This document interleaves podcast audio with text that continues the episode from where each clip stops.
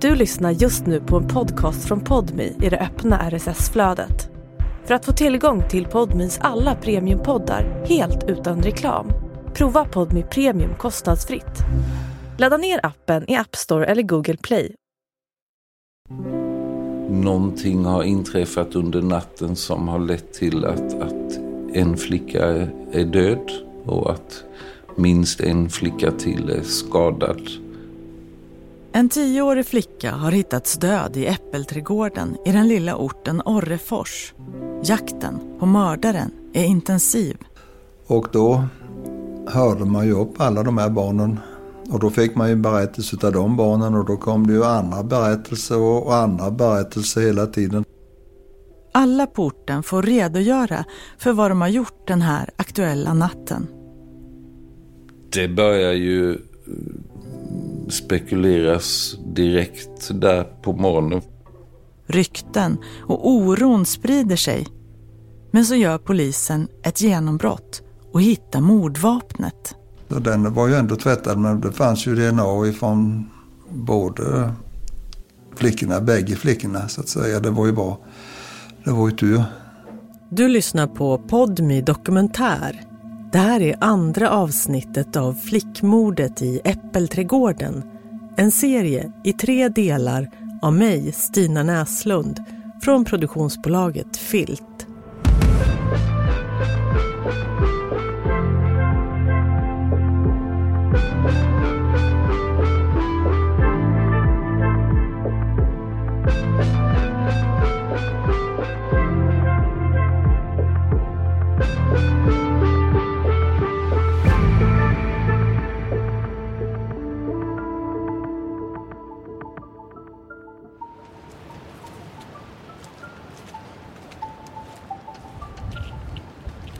Alltså de var ju här någonstans tälten. Uh, precis där trädet är planterat, planterat, tror jag i alla fall. Det var i denna änden, det vet jag. Barnen i bruksorten Orrefors längtar efter sommarlovet. De har gått sjön runt med skolan och grillat korv. Och sen har några av dem bestämt sig för att tälta i äppelträdgården vid glasbruket. De har haft med sig saft och godis, liggunderlag och kuddar. De har slagit upp sina tält under äppelträden. Det var ju två tält som var här nere och när, jag, när vi kom hit så var det ju bara poliser. Det var ju avspärrat. Och det var ju teknikerna och sen var det ordningspolisen som var Det var inga av barnen som var kvar när vi kom. Men när solen går upp nästa dag kallas sjukvård, brandkår och polis till platsen. Spaningsledaren Stig Svensson har åkt från Kalmar. Här var jag och min kollega bara ett litet, litet kort ögonblick. Ett av barnen, Carolina, 10 år, har hittats död på marken mellan tälten. Någon har stuckit henne i halsen med ett vasst föremål. Och för att inte klampa in för mycket, man ska ju inte förstöra. Så att vi var ju bara och såg det här och sedan gick vi ju bort dit där folk väntade på oss. Så att vi var inte här många sekunder. Teknikerna har redan börjat arbeta, samla in barnens ägodelar och mäta blodfläckarna i gräset. Carolina och två andra flickor har legat i ett blått ryggåstält som är 95 centimeter högt. Det har sjunkit ihop. Ur polisens brottsplatsundersökningsprotokoll. Centralt på den svagt grönaktiga södra tältgaven och i det närmaste rakt under takåsen fanns en uppskuren vertikal reva med en total längd av 35 centimeter. Högst upp i revan fanns en helt rak och 2,2 centimeter lång genomskärning som skulle kunna ha orsakats av att en kniv med denna bredd stuckits genom väven. Blodspåren börjar inne i tältet. Ingångsgaven, liksom dess myggnät, var blodfläckad på stora ytor. Likaså var en bärkasse av plast upphängd i samma område nedblodad. Centralt i tältet låg ett flerfärgat, blommigt och lätt blodigt liggunderlägg med en likaledes blodig grön kudde.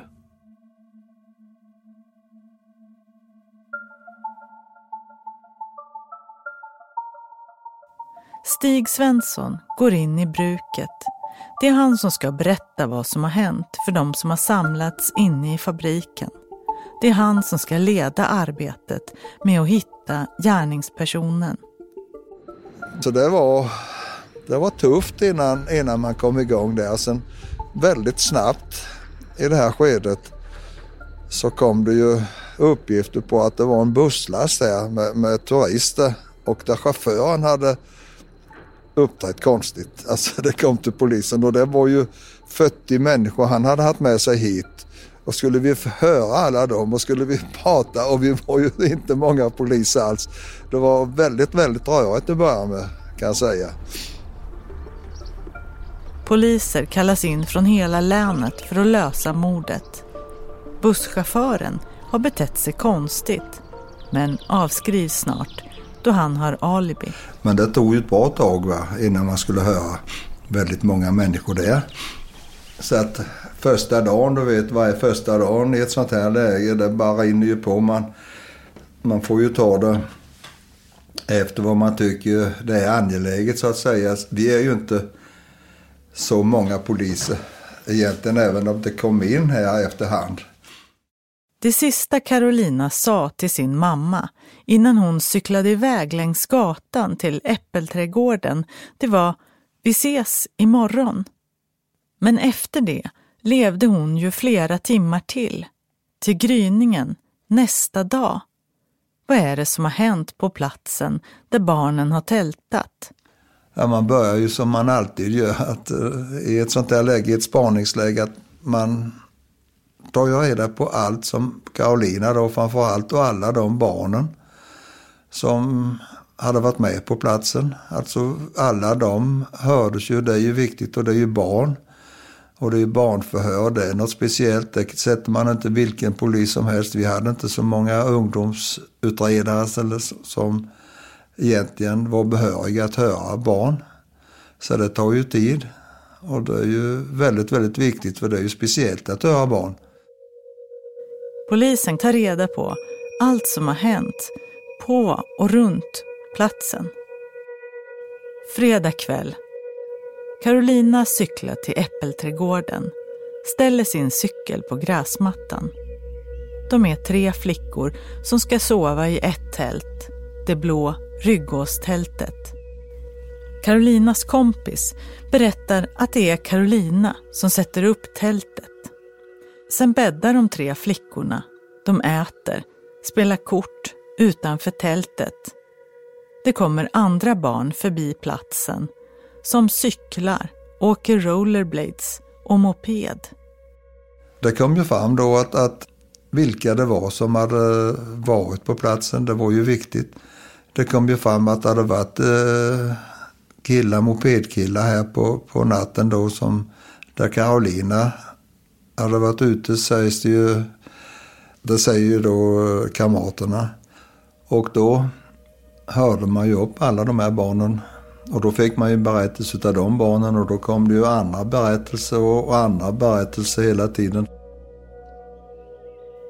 På kvällen kommer en förälder och tittar till tälten. Carolina sover i mitten med en kompis på vardera sida. De ligger med fötterna mot utgången. Runt midnatt kommer två pojkar i 16-årsåldern på moped. De kör två varv på gräset runt tälten, letar efter någon. En kille kommer ut från kupoltältet. Han vill provköra mopeden. Carolina kommer ut ur det andra tältet. Hon säger åt dem att åka därifrån för de vill sova i fred. Efter lite tjafs åker de därifrån. Pojken som kör mopeden berättar i förhör att han har sett en person som småspringer på den grusgång som leder från värdshuset Orren i riktning mot det lilla huset vid grönområdet samt vidare i riktning mot parkeringsplatsen till Orrefors glasbruk. Pojken som sitter bak på mopeden berättar i förhör att det är en vit moped av märket Syndap. Han har inte sett den okända killen för han satt bak på mopeden och det var mörkt, säger han. Carolinas kompis berättar att hon har sett en okänd flintskallig man med vit kortärmad tröja. Han gick förbi på en grusväg på baksidan av det röda huset. När mordet sker ligger barnen och sover. Men de vaknade ju av att eh, Karolina vaknade och rosslade. Alltså det, det, det, visste jag inte innan men det säger ju en av flickorna att, att hon hade ju varit skojfrisk och skojade med dem och när hon fick det här knivhugget så steg hon upp, hon dog ju inte med en gång. Och då trodde de att hon skojade när hon hade fått sticket. Men de såg ju ingen gärningsman men de, i själv, momentet efteråt så vaknade de ju. Så de begrep ju inte vad det var frågan om och de sprang ju efter hjälp.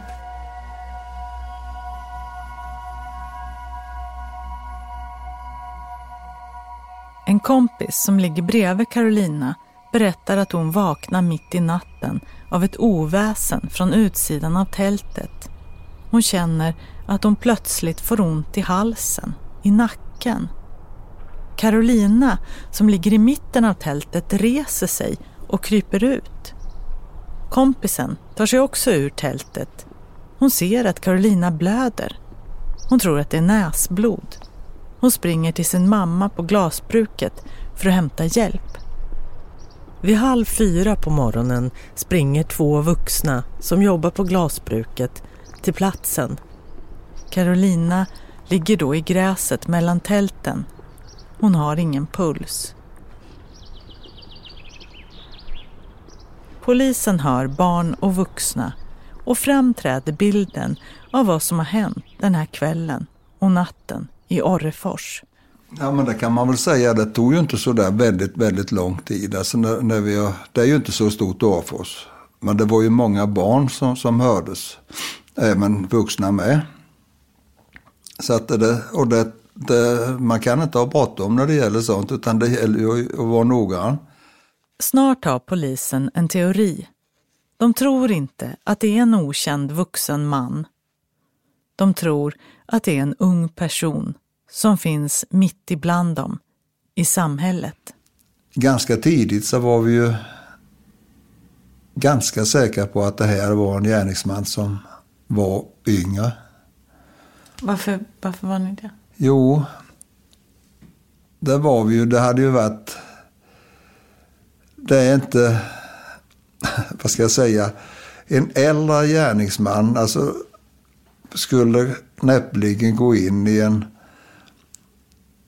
i det här, på den här platsen där det är barn som tältar och göra på detta sättet. Alltså det, det, det är så pass ovanligt va, så att, att det är utan att kunna säga det rakt ut så kände vi det. Och därför så efter ett tag så var det ju svårt att, att informera folk om att det var så. För att vi fick inga iakttagelser på ungdomar som har varit ute. Utan det är ju bara på äldre människor som har varit ute.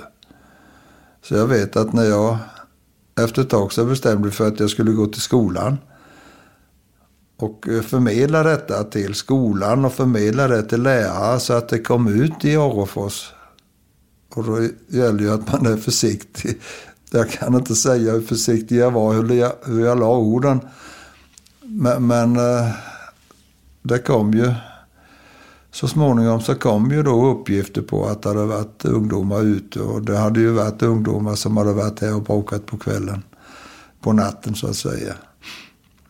Och sen tog vi också reda på alla brott, alla andra brott som hade varit. Det, det var vi ju också medvetna om att det kan ju vara som så att en mördare här kan göra vilka grejer som helst. Bland annat så var det ju damunderkläder som var borta och man hade dödat kaniner. Sådana där saker som hade hänt under något års tid i Afos. Och se om det kunde finnas några knytningar till eventuell gärningsman. Polisen förhör ungdomarna på orten, flera av dem om och om igen. Vem kan det vara? Orrefors är en liten ort med 700 invånare. De flesta känner varandra. Vi hade ju föräldrar som ringde, en förälder som ringde om sin son som hade haft en kniv som vi hade inne och hörde. Så att det var väldigt många ungdomar. Det är ganska hemskt egentligen att man i ett litet samhälle när man börjar syna varenda barn, vem man kan tänka att det kan vara. En annan person som väcks abrupt den här morgonen, lördagen den 27 maj år 2000, det är Conny Karlsson. Han är församlingspräst i tätorten Nybro och så är han sammankallande i kommunens krisstödsgrupp. Klockan 5.20 ringer telefonen. Då är det SOS Alarm som säger att man behöver krisstöd i Orrefors eh, vid glasbruket därför att det har hänt en olycka och det finns döda barn och det finns skadade barn och det är mycket folk där. Och att polisen ska ha en första genomgång klockan sex eh, på bruket och att då är det bra om jag kan vara där. Som jag alltid gör för att eh, vakna så tar jag en jättesnabb dusch och sen så klär jag på mig och sen tar jag en banan och sen åker jag mot Örefors så att jag kan vara här klockan sex. Vad tar du på dig?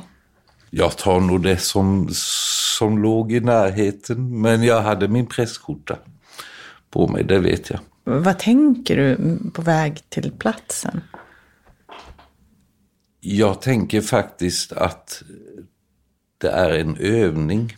Därför att precis i veckan innan hade vi i Nybro kommuns krisgrupp haft eh, ett möte. Och då hade vi precis pratat om exakt detta. Eh, därför att vi sa att allting händer ju inte i tätorten. Vad gör vi om det till exempel händer något i Orrefors? Om vi har döda barn, om vi har skadade barn och bruket är drabbat eller så, vad gör vi då? Hur agerar vi då? Eh, så jag var helt inställd på att, att det var en övning. Men jag tyckte det var en konstig tid att ha en övning på klockan sex på morgonen. Conny parkerar bilen vid glasbruket och funderar över vad han ska ta vägen. De sa bara glasbruket, men det är ju stort. Och eh, så ser jag också avspärrningsband, jag ser någon polisbil, jag ser någon bil från räddningstjänsten. Men för övrigt är det väldigt tyst och väldigt lugnt. Eh, men sen kommer någon man ifrån glasbruket och hämtar mig och så går vi till den här lokalen där vi då samlas. När jag kliver in i, i den lokalen och, och möts av eh, väldigt allvarliga poliser och eh, ser också att där sitter det då familjer, där sitter det vuxna, där sitter det barn. Då först i det ögonblicket så inser jag, ja men det här är nog ingen övning, utan det här är nog på riktigt. Spaningsledaren Stig Svensson tar till orda och berättar vad som har hänt under natten. Någonting har inträffat under natten som har lett till att, att en flicka är död och att minst en flicka till är skadad. Och att eh, det då är ja, väldigt eh, kaotiskt. Eh, och att man då håller på och sätter igång ja, sina insatser, spaningsinsatser och så. Det, och då börjar jag fundera på vad kommer jag och vad kommer vi som krisgrupp in i detta? Vad är det då du gör efter det här mötet är slut? Eh, det första jag gör då det är att då får jag kontakt där direkt med Carolinas familj. Va, vad gör du då? Dels stämmer jag av lite med dem, hur de har det, var de befinner sig rent mentalt. Men sen måste jag ju också tänka ett steg längre för här är det ju då många barn som är, som är drabbade så då måste jag ju börja ringa in hjälp. Vad vet du i det här läget om vad som har hänt? Ingenting. Eh, mer än det som jag fick veta där på, på samlingen då. Att eh, Carolina hade blivit mördad och att en annan flicka var skadad. Eh, och att de andra barnen hade sett detta. Eller inte sett det hända, men de hade sett Carolina dö och så. så det, det var det jag visste.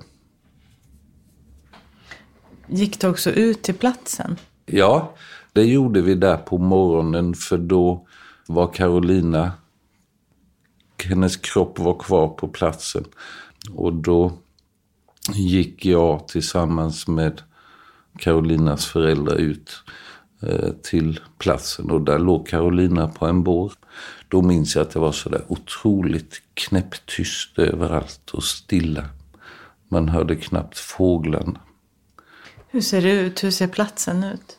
Ja, det är ju tält det, där på platsen och eh, det är något tält som är lite halvt raserat och nerrivet.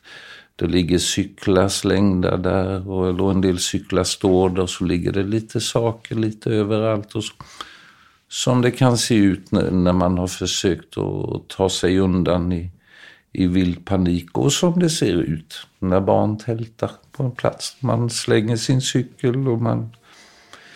Det är ju en väldigt vacker plats. Eh, Äppelträdgården i Orrefors. Och den var vacker också den här morgonen med sina äppelträd och, och så vidare. Men det var ändå en otroligt tryckt stämning.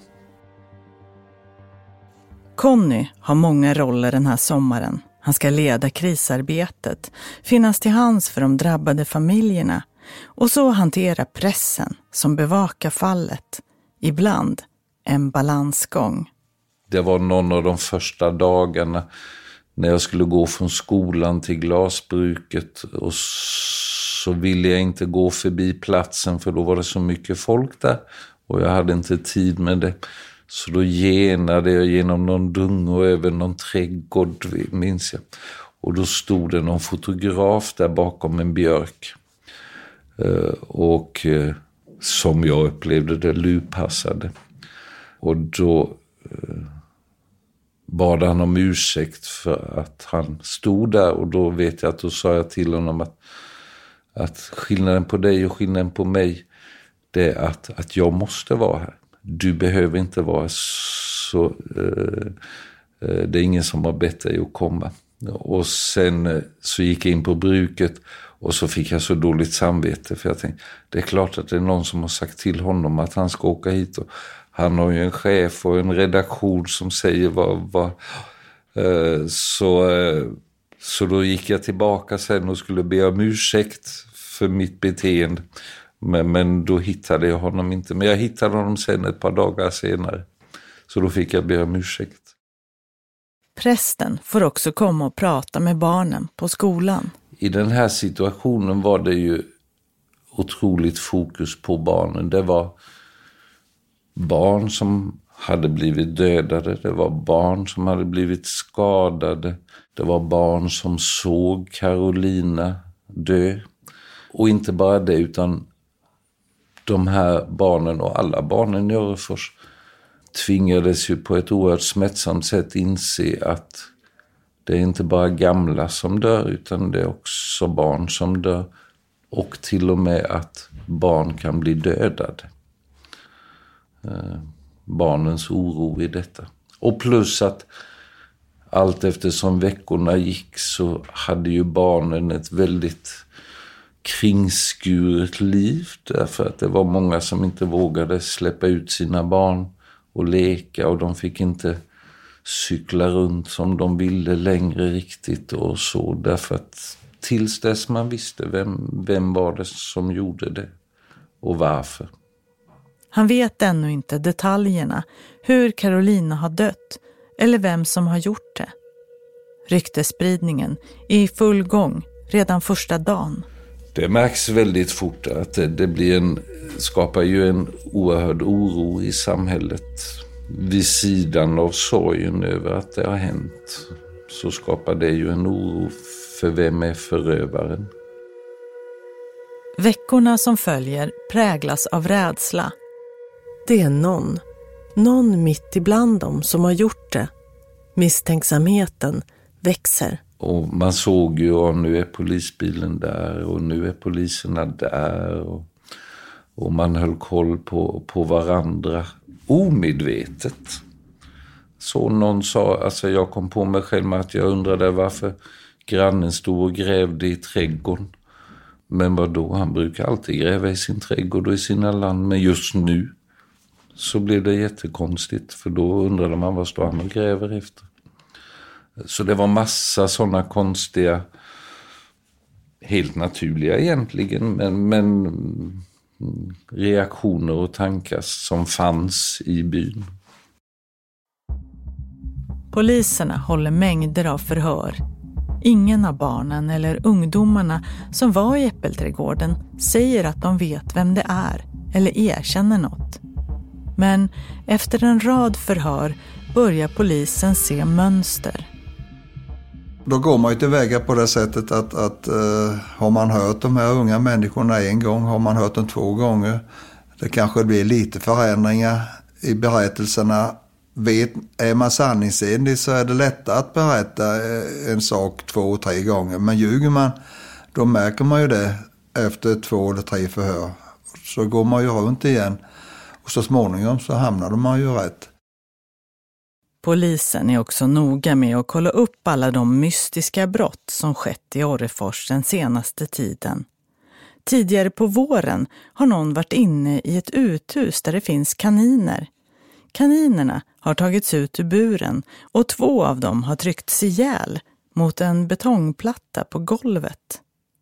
Några veckor efter mordet på Carolina är det någon som har förstört shorts som hängt på tork utanför en fastighet en bit utanför Orrefors. Någon har skurit hål i grenen på shortsen.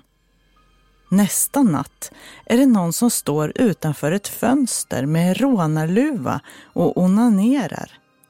Inne i huset befinner sig två flickor.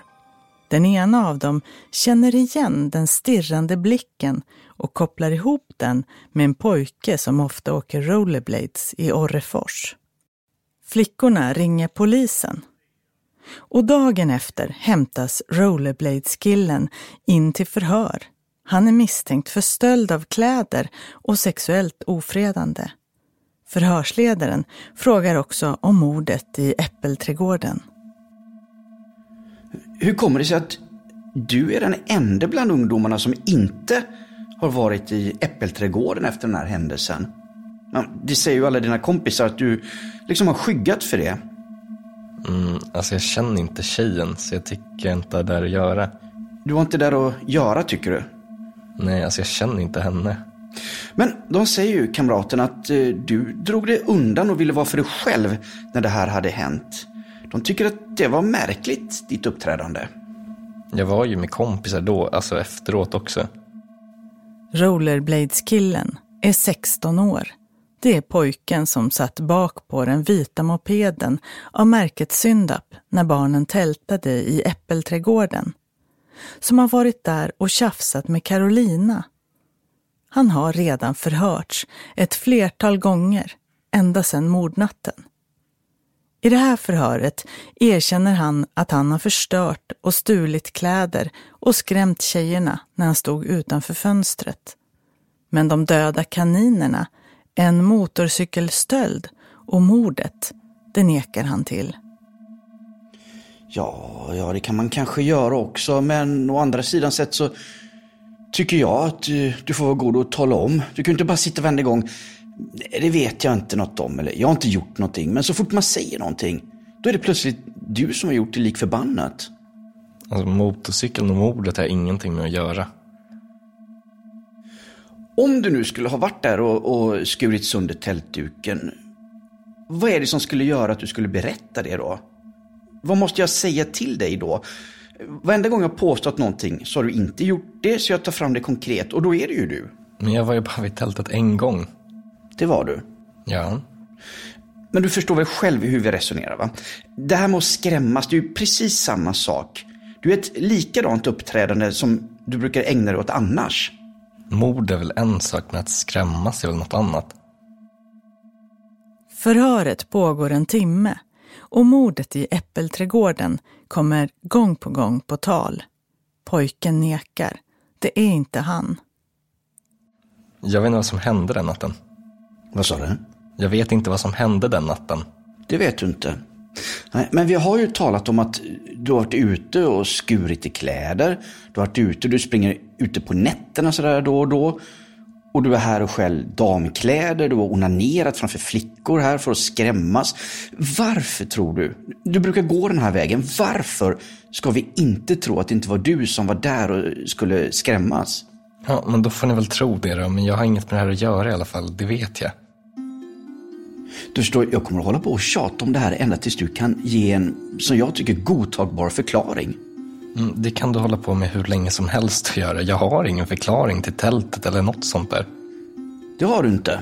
Nej, Det kan väl vara svårt kanske att tala om det va? jag har inte med det att göra. Ja, men någon måste det ju vara i alla fall. De har inget erkännande, de har inget mordvapen. Men förhörsledaren har en känsla. Spaningsledare Stig Svensson. Och jag vet ju att den polismannen sa det att den killen, han fick ju, vad ska jag säga, vibration att det, det här stod inte rätt till med honom. Så att den var ju en som vi hade, men det var ju faktiskt inte den enda ungdomen som vi hade. Och det är det jag menar när man går runt varv efter varv på de här människorna, då blir det är ju det som gör att, att man blir ganska så säker till slut. Och då får man ju ett beslut och det vi vill ha det är ju en skälig misstanke på någon där man kan få en husrannsakan. Och hitta eventuellt mordvapen. Och det var ju vår lycka för hade vi inte gjort det då vet man ju inte hur det slutat. Polisen gör en husrannsakan hos pojken och på vinden hittar man en kniv. Ur PM över husrannsakan. På vinden. Morakniven låg väl gömd inne på fastighetens vind i guldfiberisoleringen ovanpå vindtrappshusets tak. Ovanpå samma tak, dock utan att vara gömda, låg även mejseln. En blå märkpenna. Del av tröja. Trosorna och blusarna. Och tröjorna. Kniven skickas på analys och nu finns plötsligt något att ta på. Ja, det var ju den här kniven. Alltså, den var ju ändå tvättad men det fanns ju DNA ifrån både flickorna, bägge flickorna så att säga. Det var ju bra. Det var ju tur. Mordvapnet är hittat och kan knytas till mordet. Men ska polisen också få ett erkännande och kunna knyta morakniven på vinden till pojken på mopeden? Kommer Orreforsborna att få veta vad som hände i mörkret under äppelträden och varför? I nästa avsnitt av flickmordet i Äppelträdgården, det kommer ett genombrott. När han skulle ringa till åklagaren så var han så nervös att han, han tappade nästan telefonluren. Förhörsledaren får plötsligt ett svar på sin fråga. Du erkänner att det var du. Och stämningen på orten förändras i ett slag. Den kvällen så cyklade ungdomar och barn omkring på gatorna. Och så får mamma Mariana höra något om Carolina. Hon stod jämte pappa och hon var glad då att pappa hade kommit. Hon skulle visa pappa vägen och...